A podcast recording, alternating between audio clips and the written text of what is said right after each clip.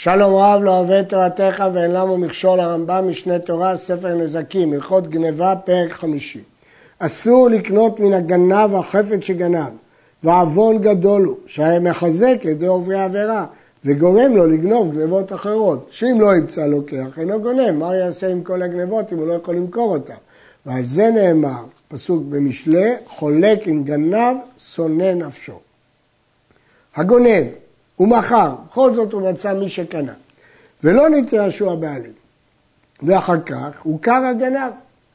ובאו עדים שזה החפץ של חרו פלוני זה, הוא גנבו בפנינו.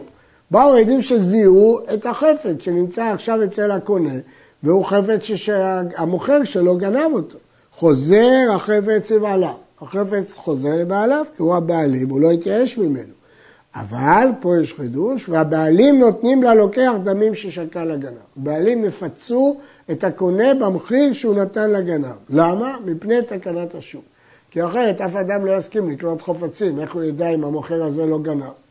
והבעלים חוזרים ועושים דין עם הגנב. כמובן שאחר כך הבעלים יתבעו מהגנב את הכסף פיצוי שהם הוכרחו לתת ללוקח, כי הגנב הוא זה שלקח את הכסף. ואם גנב מפורסם הוא, לא עשו בו תקנת השוק. כי כל המטרה של תקנת השוק, כי אדם שקונה, הוא אומר, הוא לא יודע שהסחורה גנובה. אבל אם הוא יודע שזה גנב מפורסם, מה פתאום הוא קונה ממנו? אז פה אין תקנת השוק. הבעלים לוקחים את החפץ ולא מפצים. ואין הבעלים נותנים ללוקח כלום, אלא חוזר הלוקח ועושה דין עם הגנב, הוא הוציא דין, דברים ששקע לו. כמובן, למרות שזה גנב מפורסם, הקונה יכול לתבוע ממנו את הדמים שהוא נתן לו לחינם. נתייאשו הבעלים מן הגנבה. עד עכשיו דיברנו כשהם לא התייאשו. עכשיו אנחנו מדברים כשהבעלים התייאשו. בין שהתייאשו ואחר כך מכר גנב, בין שהתייאשו אחר שמכר, בין אם הייאוש היה לפני שהוא מכר, בין הייאוש אחר שמכר, קנה הלוקח בייאוש ושינוי רשות. יש פה ייאוש וגם שינוי רשות ולכן הלוקח קנה. ואינו מחזיר הגנבה עצמה לבעליה, כי ייאוש ושינוי רשות קונה, אלא נותן להם הדמים אם לקח מגנב מפורסם. בגנב מפורסם שאין תקנת שוק, אז הוא נותן להם פיצוי. או אינו נותן כלל, לא חפץ ולא דמים לתקנת שוק, אם לא היה זה המוכר גנב מפורסם. אם הוא לא היה מפורסם, אז את החפץ הוא לא נותן כי יש ייאוש ושינוי רשות. את הדמים הוא לא נותן בתקנת השוק, כי אמרנו שאפילו כשהוא נותן את החפץ, בעל הבית מחזיר לו את הדמים. אז כל שכן פה, שהוא לא נותן את החפץ, שהוא לא צריך לתת את הדמים. יש להעיר שתי הערות. הערה אחת, לפני הראב"ד עמדה פה גרסה משובשת, ולכן הוא התקשה מאוד בדברי הרמב"ם הללו. אבל לפי גרסתנו הדבר ברור. הערה שנייה, הרמב"ם אמר שלא משנה אם הייאוש היה לפני שינוי הרשות או אחרי שינוי הרשות. הטור מביא ראשונים שחולקים, שאומרים שייאוש ושינוי רשות מועיל רק אם הייאוש היה לפני שינוי הרשות, ולא אם הוא היה אחריו. בזמן שהלוקח עושה דין עם בעל הבית. אם אין עדים בכמה לקח, בהלכות הקודמות אמרנו שיש מקרים שהלוקח עושה דין עם בעל הבית, ויש מקרים שהוא עושה דין עם הגנב. כשהוא עושה דין עם בעל הבית, ולא יודעים כמה הכסף הוא שילם, הרי התגר נשבע בנקיטת חפץ בכמה לקח ונוטל מן הבעלים. וכל הנשבע ונוטל מן הבעלים, שבועתו מדבריהם ונשבע בנקיטת חפץ כמו שהתבהר במקומו. ובכן, הבעל הבית לא יודע כמה הגנב מכר לו, אז אין לנו אלא לסמוך על דברי התגר, הקונה הזה, בכמה שהוא קנה, ונותנים לו. אבל סוף סוף, הבעל הבית לא יודע אם זה נכון, לכן משביעים אותו שבועת הנוטלים. שבועת הנוטלים היא רשימה של שבועות בפרק כל הנשבעים במסכת שבועות. נסביר את הדברים. יש שלוש רמות של שבועה. יש שבועה דאורייתא, עד אחד שומרים ומודה במקצת וגלגול שבועה, ששם השבועה היא מהתורה. ומי שנשבע את זה, זה מי שלא משלם, נשבע ונפטר. יש שבועה מדרבנן, שהיא שבועת המשנה, שנשבע אותה מי שנוטל, אבל בנקיטת חפץ. צריך לתפוס ספר תורה או תפילין בידו.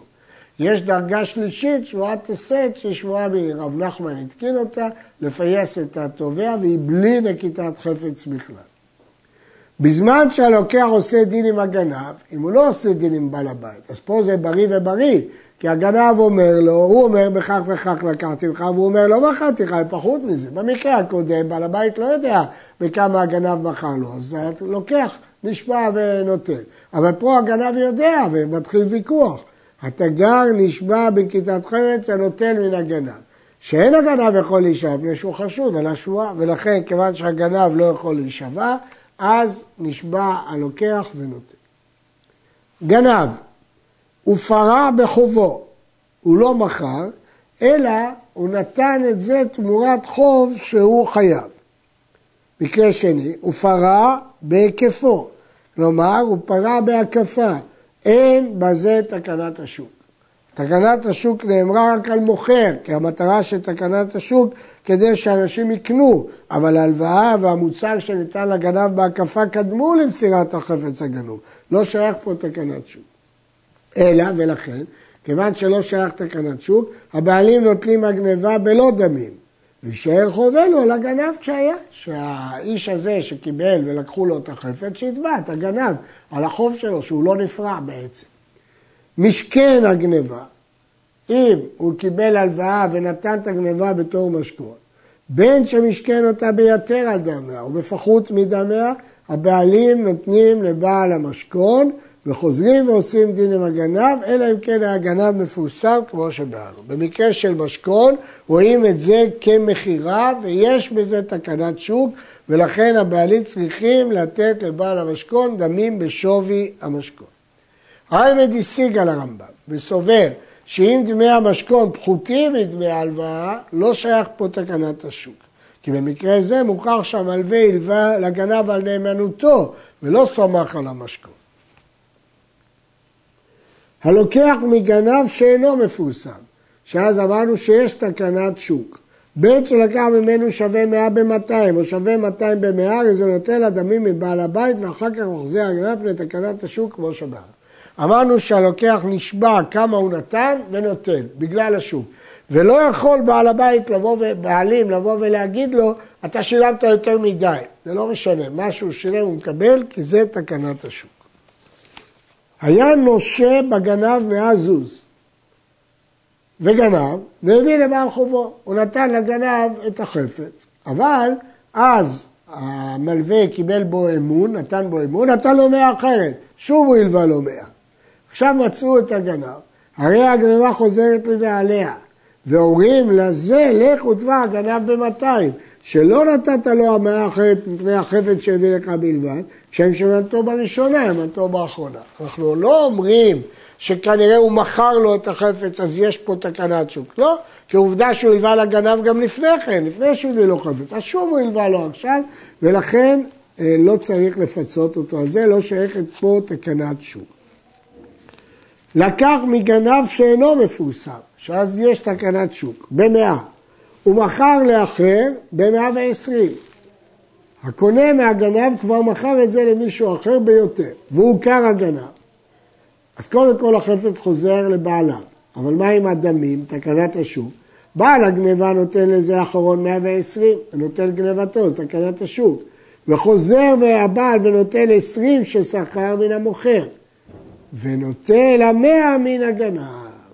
ואם גנב מפורסם הוא, אז אין בכלל תקנת שוק, נותן המאה ועשרים מן התגר שלקח מן הגנב, כי אין פה תקנת שוק. והולך התגר ותובע הגנב במאה של הקרן.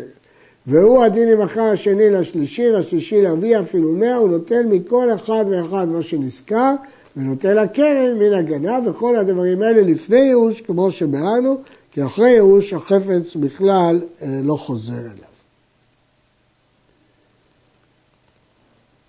גם כאן אה, הרייבד משיג על הרמב"ם, ומגיד משנה מתרץ את הרמב"ם. בעל הבית שאינו עשוי למכור את כליו ויצא לו שם גניבה בעיר, כולם שמעו שגנבו לו את החפצים והכיר כליו וספריו מיד אחרים, הוא זיהה איפה הכלים שלו נמצאים.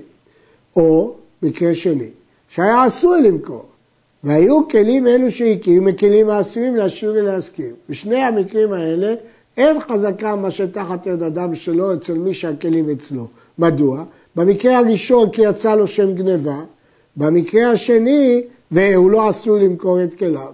במקרה השני, אמנם הוא אסור למכור את כליו, אבל זה כלים שגם עשויים להשיב ולהזכיר, אין עליהם חזקה מה שתחתי את אדם שלו. אם באו עדים שזה כליו של הזה, צריך לזהות שאלה הם הכלים. יישבע זה שהם בידו בנקיטת חפץ וכמה לקח, ויטול מבעל הבית ויחזיר לו כליו. כאן, בעצם היה צריך להחזיר את הכלים לבעל הבית, כי הוא קנה מגנב, עכשיו ברור שהוא קנה מגנב. אבל יש תקנת שוק, כיוון שיש תקנת שוק, הבעלים צריכים לתת לו כמה הוא, שהוא קנה, אם הוא יישבע בנקיטת חפץ. זהו המקרה הראשון. היה בעל הבית עשוי למכור את כליו, ולא היו מדברים העשויים להשאיר להשכיר. אבל פי שיצא לו שם לבא בעיר והוכרו כליו, אינה מחזירה מיד הלקוחות, שמא הוא מחרם לאחרים. אלה שהכלים בידם, זאת קנינו. ואולי גם משמחה לנו קנה ממך. מדוע? כי זה כלים שעשויים למכור ולא עשויים להשאיר להשכיר. אז למרות שיצא לו שם גניבה, זה לא מועיל. אבל אם באו בני אדם ולנו בתוך ביתו, ועמד וזעק בלילה נגנבו כלי וספריי, ובאו בני אדם, ומצאו מחתרת חתורה, ובני אדם שלנו בתוך ביתו יוצאים וצרורות של על כתפיהם, והכל אומרים הללו כליו וספרה של פלוני, הרי זה נאמן. פה, אפילו במקרה שבעל הבית אסור למכור את כליו, ואפילו שדברים שאינם עשויים להשאיר ולהזכיר, אבל יש פה ראיות נסיבתיות שהיה פה, שהם באמת גנבו. ויישבע זה שהכלים בידו גרץ כמה הוציא ויטול בהגנבה ויחזיר לו כליו. אומר הכסף משנה לשיטת הרמב"ם, במקרה שבעל הבית אינו עשוי כליו, הוא יזכה אפילו אם רק יצא לו שם גניבה בעיר ואין ראיות נסיבתיות. אבל כשהוא עשוי לקרוא את כליו, אז צריך את הראיות הנסיבתיות. גנב שהוחזק ונתפרסם, כולם ידעו שהוא גנב. שנכנס לתוך בית חברו ועדים מעידים שיצא וכלים טמונים לו תחת כנפיו, אף על פי שהיה שם בעל הבית. וטעה ואמר לקוחים הם בידי, קניתי ממנו. בעל הבית אומר גנובים הם. אם היה בעל הבית שאין דרכו למכור את כליו, ואותם כלים אין דרך מהאדם להטמינם תחת כנפיהם, ואין דרך אותו המוחזק להצליח כלים תחת כנפיו, הרי בעל הבית נאמן ונשבע מכיתת חפץ ונוטל כליו. ואם אין אדם זה מוחזק בגניבה, אין בעל הבית נאמן. אלא נשבע זה שהכלים בידו שבועת הסת שהכלים מוכרים בידו והולך. פה מדובר בבעל הבית שאין דרכו לקרוא כליו, ואין דרך להטמין תחת הכנפיים, ואין דרך אותו מוצדק להצניע הכלים. רק אם יש את כל הדברים האלה, אז בעל הבית נאמן.